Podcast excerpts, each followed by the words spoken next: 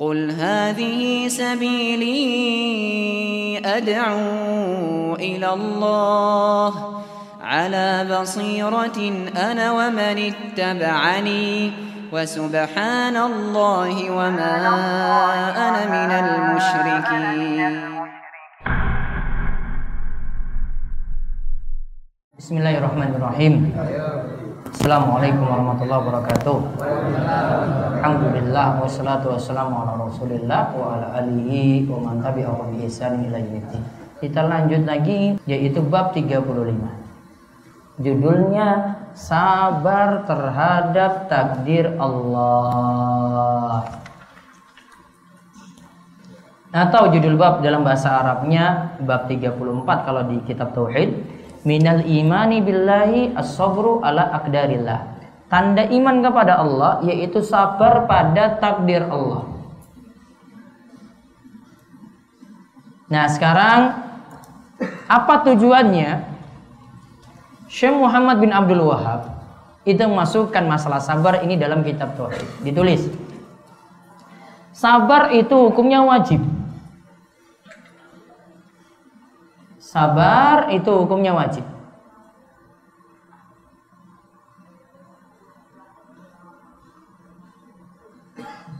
Ketika kita tidak sabar, ketika kita tidak sabar, maka dihukumi berdosa.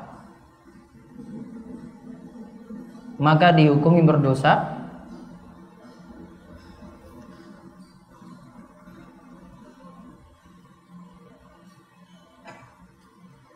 dan akan menafikan atau meniadakan kesempurnaan tauhid.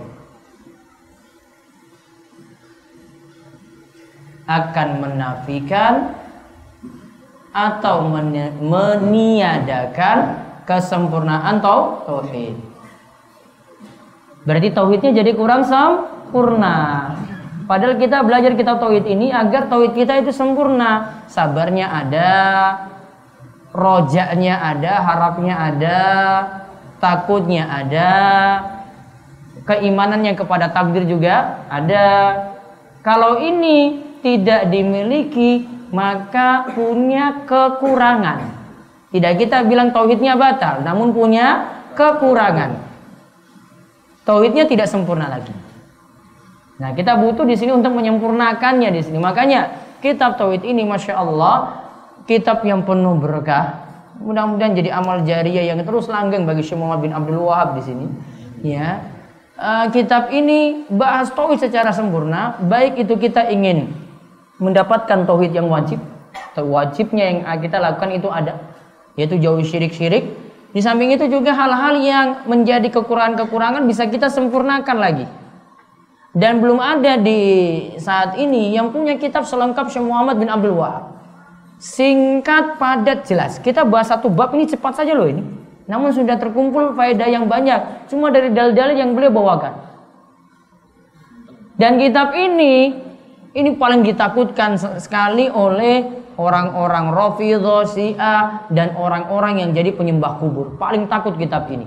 Makanya kalau panjenengan itu berada di Saudi Arabia, kalau jadi jamaah haji biasanya ditakuti oleh diberikan rasa takut oleh pembimbingnya. Hati-hati loh, kamu kalau dapat buku, hati-hati itu bukunya Wahabi.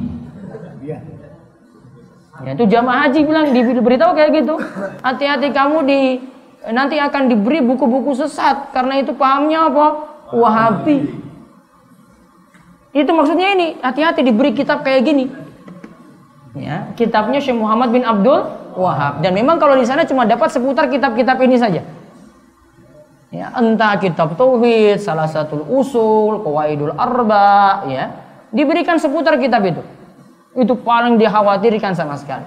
Dikhawatirkan sekali. Karena kalau ini diterangkan pada orang Indonesia takutnya semuanya sadar yang tadi pendapatan beberapa orang akan hilang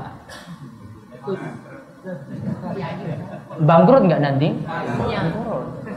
Masalahnya ini beda pendapat, ini karena beda pendapatan. Paham nggak? Nah, itu karena masalah itu saja. Seandainya bukan masalah perut, bukan masalah fulus, ya, itu nggak akan itu itu terjadi. Masalah itu saja. Makanya ini kitab kalau menurut mereka ini berbahaya sekali. Masya Allah, namun lihat di sini diajarkan sampai detail kayak gini. Ringkas, padat, jelas. Cukup pakai dalil saja, nggak usah banyak kata-kata di sini. Lihat kalimat Syamad Banullah cuma beberapa kata saya kita hitung. Yang lainnya itu apa? Dalil, dalil, dah, dalil. Ya. Nah, sekarang kita lihat sabar terhadap takdir Allah. Dibaca. Sabar terhadap takdir Allah. Sabar terhadap takdir Allah termasuk bentuk keimanan kepadanya. Allah Ta'ala berfirman, Tidak ada sesuatu musibah pun yang menimpa seseorang kecuali dengan izin Allah. Barang siapa beriman kepada Allah, niscaya dia akan memberi petunjuk kepada hatinya. Allah Maha mengetahui segala sesuatu. At-Takabur ayat 11. Ma asaba min musibatin illa bi iznillah wa may yu'min billahi yahdi qalba wallahu bikulli syai'in alim. Tidaklah suatu musibah ini umum musibah apa pun. Ya dalam bahasa Arab karena di depannya ini ada ma asoba ini suatu kata yang menunjukkan dulu alal umum musibah apa pun. Dompet hilang musibah enggak? Musibah. Masuk di sini bahasanya Penyakit juga masuk di sini bahasanya. Mendapati anaknya sendiri nakal masuk di sini masalahnya. Maka apa saja musibah yang menimpa kalian illa biiznillah. Itu semua telah menjadi izin dari Allah artinya telah Allah kehendaki. Wa may yu'min billahi yahdi qalba. Namun kalau kita beriman, siapa saja yang beriman kepada Allah, yaitu mengimani takdir dengan benar. Ditulis itu beriman kepada Allah artinya mengimani takdir dengan benar.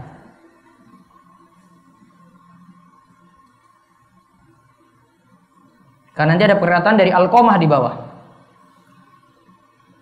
Barang siapa beriman kepada Allah yaitu mengimani takdir dengan benar. Maka dikatakan di kolbah. Niscaya Allah akan memberi petunjuk kepada hatinya. Hatinya akan diberi petunjuk. Mudah sekali hadapi musibah ini. Kayak enteng sekali ya jalani musibah ini. Kok biasa sih dihadapi? Karena dia sudah yakin pada takdir Allah. Allahu bikulli syai'in alim alim. Allah bikulli syai'in alim, Maha mengetahui segala sesuatu. Musibah pun tadi Allah tahu dan Allah kalau tahu hambanya itu sabar hadapi musibah ini, Allah akan berikan jalan keluar segera untuk dirinya.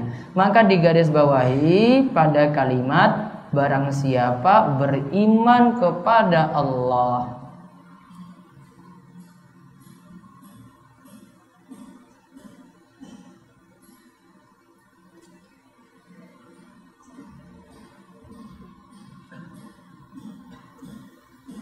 Nah, lantas lihat Al-Qamah Al-Qamah menjelaskan bahwa ayat di atas berbicara tentang seseorang yang ditimpa musibah. Lantas dia sadar bahwa musibah itu datangnya dari Allah, maka dia pun rela dan pasrah. Al-Qamah menjelaskan bahwa ayat di atas, berarti apa ayat di atas? At-Taghabun ayat ke-11. Berbicara tentang seseorang yang ditimpa musibah. Musibah apa di sini? Umum. Kefakiran, kemiskinan termasuk. Belum mendapatkan pekerjaan juga termasuk. Belum dapat jodoh termasuk.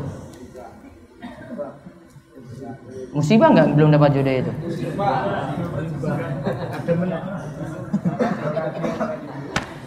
Lantas dia sadar bahwa musibah itu datangnya dari Allah. Berarti dia tahu ini sudah jadi takdir Allah. maka dia pun rela dan pasrah, ridho dan taslim. Dia ridho, rela dan pasrah. Pasrah semuanya itu dari Allah. Maka nanti Allah yang akan mudahkan itu semua. Itu tafsiran dari Al-Qamah. Lihat keterangan Al-Qamah di bawah 152. Beliau adalah Al-Qamah bin Qais bin Abdullah An-Naqai Al-Kufi. Al-Kufi berarti berada di Kufah sana. Daerah di Irak. Beliau termasuk ulama dan pembesar dari kalangan tabi'in. Rasul, di bawahnya itu sahabat, di bawahnya itu murid-murid sahabat namanya tabi'in. Beliau wafat tahun 60-an Hijriah. Sekarang lihat lagi diriwayatkan dalam Sahih Muslim. Diriwayatkan dalam Sahih Muslim dari Abu Hurairah radhiyallahu anhu Rasulullah shallallahu alaihi wasallam bersabda, dua perkara yang masih dikerjakan orang padahal kedua-duanya adalah kekafiran, yaitu mencela nasab orang lain dan meratapi orang yang telah mati. At-ta'nu fin nasab wa 'alal mayyit. Ada dua hal yang dicela dan itu termasuk kekufuran. Satu, atau fin nasab. Mencela nasab. Dua wa niyahatu alal mayyit. Niyaha. Meratapi orang mati. Meratapi keluarga yang meninggal dunia nangis berlebihan tanda tidak sabar di garis bawahi meratapi orang yang telah mati bahasa Arabnya tadi apa niyaha niyaha. Dan catat di situ niyaha dan mencela nasab tadi termasuk dosa besar. Al-kabair. Termasuk dosa besar. Hadis riwayat Muslim Termizi. Niyaha itu bentuk-bentuknya nanti dicatat sekarang pengertian sabar dan nanti bentuk-bentuk sabar. Sabar adalah menahan diri. Sabar adalah menahan diri.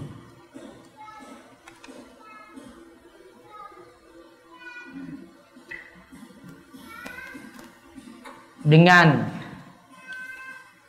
bentuk menahan hati tidak protes pada takdir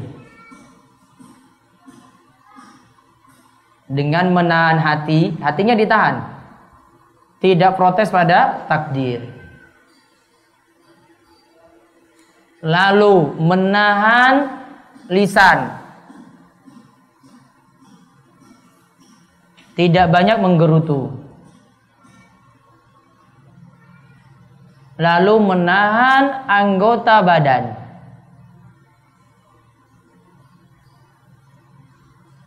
Menahan anggota badan. Agar tidak melakukan hal-hal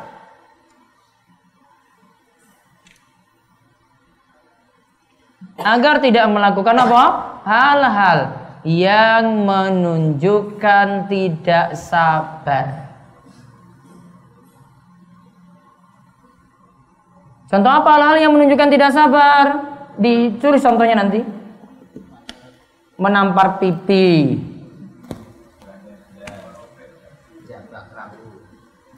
Ah. Merobek-robek baju. Ini gelas ini saya pecahkan ini. Tanda tanda apa? Tidak sabar. Memecahkan barang-barang tertentu. Dan ini kalau sudah pecah baru, waduh, pecah. Termasuk ada yang meninggal, ada yang kecelakaan. Kalau bentuk-bentuk seperti ini dilakukan, ini gerak ini, tangan ini gerak untuk lakukan sesuatu yang menunjukkan tidak sabar. Itu tanda tidak sabar. Itu tanda tidak sabar. Nah, lalu sabar itu ada tiga bentuk.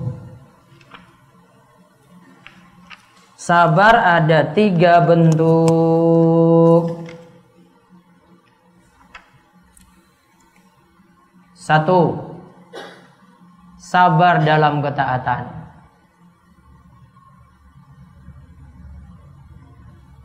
Dua,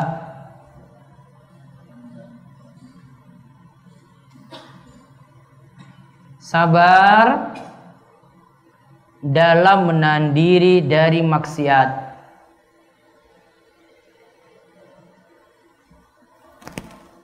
Tiga, sabar dalam menghadapi takdir.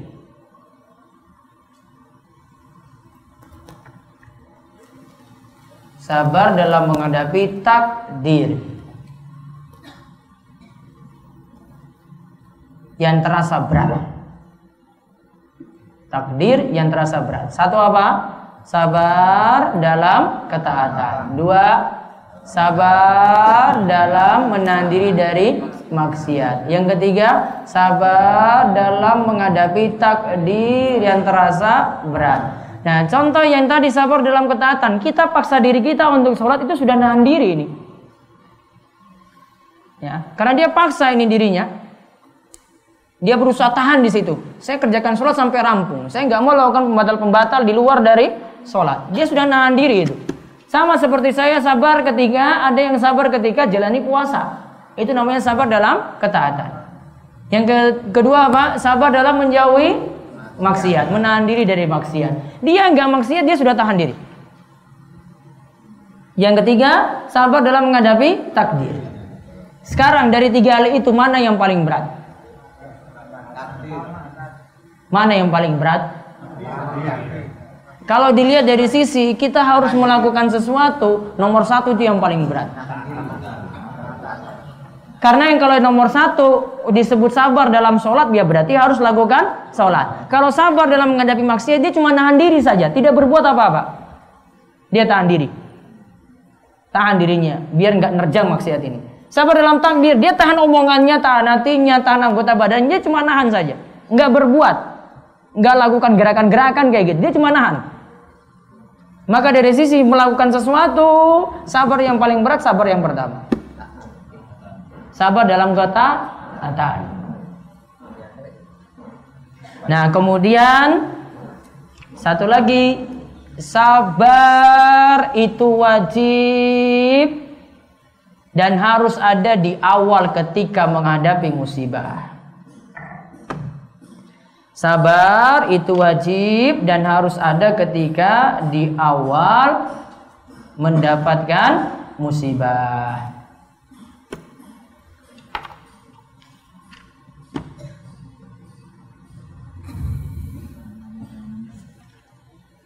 Sudah? Taib. Berarti sabar untuk duduk di sini. Masuk sabar yang nomor berapa? Satu. Berat enggak? Berat enggak? Nah, mesti nahan ngantuk. Waduh, mataku wis redup ini. Iya kan? Iya. Ini baru di santai-santai loh ini. Pernah nggak ngaji dari subuh sampai jam 10 pagi pernah nggak? Non stop belum mau coba? Non stop loh ini, nggak gerak-gerak loh. Nggak dikasih makan, nggak dikasih makan. Ngopi nggak ada ngopi. Lebih padat daripada ini. Berarti belum belum kuat berarti ya Allah. Fasilitasnya sini luar biasa. Ya ngantuk lagi ya. Eh lanjut lanjut lagi ayo biar selesai ini. Ayo Imam Bukhari dan Muslim ya Imam Bukhari dan Muslim meriwayatkan hadis marfu dari Ibnu Mas'ud. Tidaklah termasuk golongan kami orang yang ketika ditimpa musibah memukul-mukul pipi, merobek-robek kerah baju dan menyeru dengan seruan jahiliyah. Laisa minna, tidak termasuk golongan kami. Lihat kalimat itu maksudnya tidak termasuk golongan kami menunjukkan dosa besar. Kalimat tidak termasuk golongan kami, laisa minna. Berarti dosanya dosa apa? Besar. Di antara ciri-ciri dosa besar di dalamnya disebut laisa minna. Man dorobal khududa. Siapa yang memukul-mukul pipi? Ha. Atau wasyakal jiyuba. Merobek-robek baju, kerah baju. Disobek-sobek. Lantas wada'a bidakwal jahiliyah. Menyeru dengan seruan jahiliyah dosa besar. Maka di garis bawahi tidaklah termasuk golongan kami orang yang memukul-mukul pipi sampai merobek-robek kerah baju. Termasuk dosa apa tadi? Besar. Tauhidnya kurang. Terus Anas radhiyallahu anhu menuturkan. Anas radhiyallahu anhu menuturkan bahwa Rasulullah bersabda, "Jika Allah menginginkan kebaikan bagi hambanya, maka dia akan menyegerakan siksaannya di dunia. Akan tetapi jika dia menginginkan kejelekan bagi hambanya, maka dia akan menunda siksaannya sampai dia membalasnya pada hari kiamat. Iza aradallahu bi abdihi al-khaira ajjala lahu al-uquba fid dunya wa iza arada bi abdihi syarra amsaka anhu bi dzambihi hatta yuwafiya bihi yaumal qiyamah. Jika Allah menginginkan pada hambanya kebaikan, maka Allah menyegarakan siksanya di dunia. Dia dapat musibah di dunia dulu, di akhirat tidak mendapatkan siksa apa-apa lagi. Ini bagi orang apa ini? Beriman apa tahu tidak beriman? Bagi beriman. Kemudian jika Allah mengendaki pada hambanya kejelekan, Allah tahan tadi. Amsaka anu bizambi. Allah tahan dosa-dosanya. Hatta yuwafiya bi yaumal kiamat. Ditunda nanti pada hari kiamat. Tidak diberi hukuman di dunia namun ditunda nanti pada hari kiamat. Maka di garis bawahi jika Allah menginginkan kebaikan bagi hambanya maka dia akan menyegerakan siksaannya di dunia. Siksaan di dunia di sini berupa musibah. Kita dikasih sakit, itu artinya siksaan di akhirat sudah berkurang loh ini. Kita dikasih flu, siksaan di akhirat sudah berkurang, bersyukur itu. Karena itu tanda dosa-dosa kita itu berkurang, berkurang, diampuni, diampuni, diampuni. Namun jangan minta sakitnya. Jangan minta sakitnya. Wah aku pengen sakit aja biar dosa-dosaku berkurang. Jangan-jangan nanti nggak sabar, malah tambah dosa. Ya, nggak sabar malah tambah dosa. Minta kebaikan pada Allah. Namun kalau Allah takdirkan kita sakit, kita dapat musibah. Ingat itu semakin mengurangi siksaan kita di akhirat. Terus yang hadis yang terakhir Nabi SAW bersabda. Nabi SAW bersabda, Sesungguhnya besarnya balasan itu setimpal dengan besarnya cobaan. Jika Allah Ta'ala mencintai sekelompok orang maka dia akan menguji mereka. Barang siapa di antara mereka yang ridho maka dia akan mendapatkan keridoan darinya. Akan tetapi barang siapa di antara mereka marah dia akan mendapatkan kemurkaan Allah. Inna idhamal jazai ma'a idhamil balai. Sesungguhnya balasan terbesar setimpal dengan cobaan yang besar.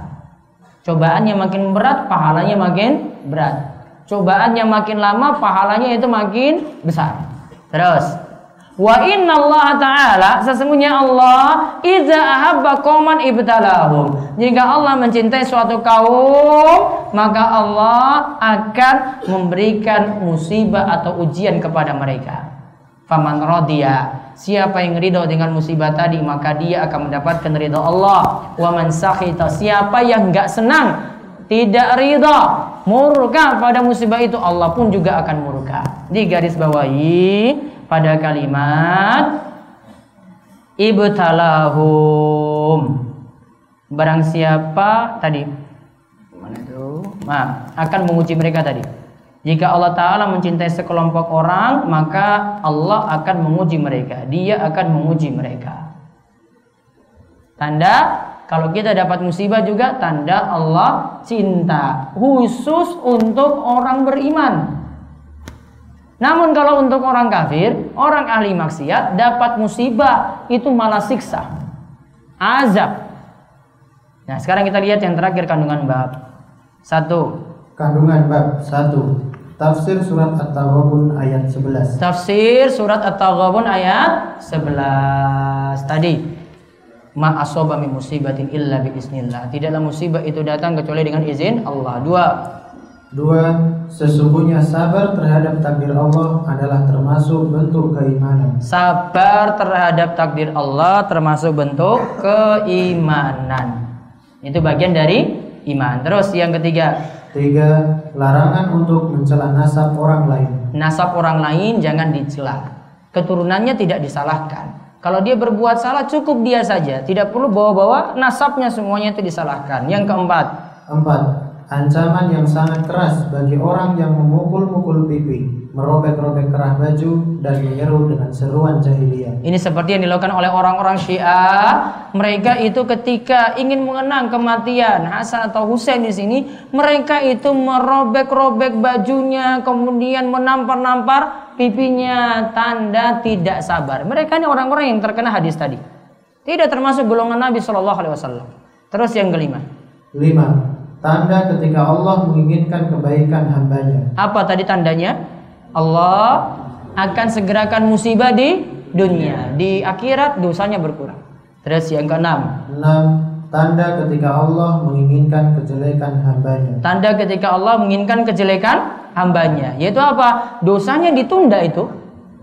Ditunda nanti di akhirat. Di dunia dapat nikmat terus, nikmat terus, nikmat terus, nikmat terus. Terus yang ketujuh. Tujuh, tanda ketika Allah mencintai hambanya. Tadi di wa inna Allah taala iza habba qauman ibtalahum. Jika Allah itu mencintai hamba, maka Allah akan memberikan mereka apa? Musibah atau ujian. Terus yang kedelapan. Delapan, haramnya marah-marah. Maksudnya tadi haramnya murka pada takdir Allah. Marah dengan takdir Allah. Saya tidak setuju dengan takdir ini. Protes dengan takdir tadi. Itu maksudnya yang marah-marah di sini. Terus yang kesembilan. Sembilan, pahala yang disediakan bagi orang yang ridho dengan musibah yang menimpa. Nah, yang kedelapan itu ganti kalimatnya sebenarnya sahat. Haramnya murka pada takdir Allah, bukan marah-marah di sini. Karena marah-marah tidak nyambung nanti dengan kalimat sebelumnya, tidak nyambung dengan dalil sebelumnya. Yang kedelapan, haramnya sahat, yaitu haramnya murka pada takdir Allah. Yang kesembilan coba baca lagi, pahala Sembilan, pahala yang disediakan bagi orang yang ridho dengan musibah yang menimpa dirinya. pahala yang disediakan bagi orang yang ridho dengan musibah yang menimpa dirinya. Ridho, yarda, wa taslim, ya, yusallim, dia itu ridho dan pasrah, itu nanti akan mendapatkan pahala. Ya, demikian berakhir bab ke-35. Demikian kita cukupkan dulu. Kita tutup kalian doa kafaratul majelis. Subhanakallahumma bihamdik, syadu alla ilaha illa anta astaghfiruka. Assalamualaikum warahmatullahi wabarakatuh.